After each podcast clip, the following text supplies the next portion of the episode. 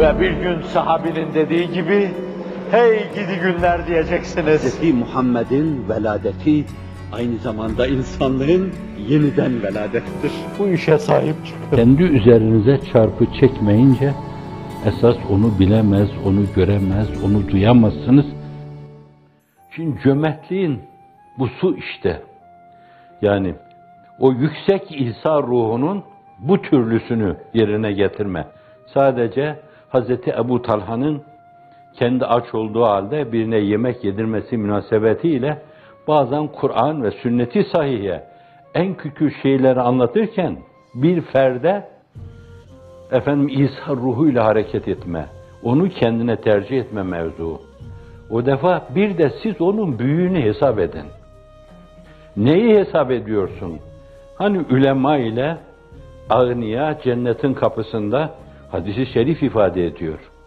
Ulema diyor ki, siz bize evler açtınız, okullar açtınız, yurtlar açtınız, hocalar tayin ettiniz, bizim alim olmamızı sağladınız.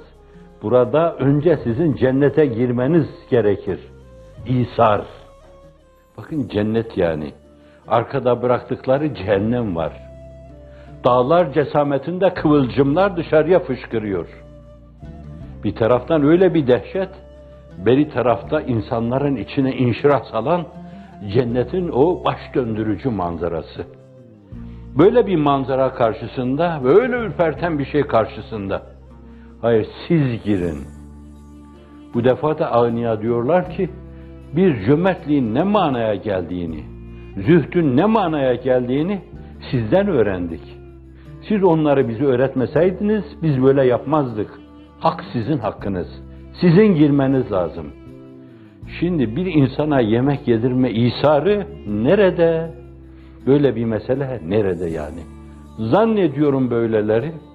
Ya Rabbi evvela sevabıyla benim bu kardeşimi mizandan geçir. Ben biliyorum ki teraziye konduğu zaman kırılıyorsa o terazi, onun sevabı karşısında küt diye kırılacaktır. Evvel o, o, sıratı evvel o geçsin.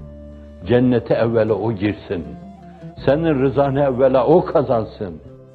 Ben de onun arkasından.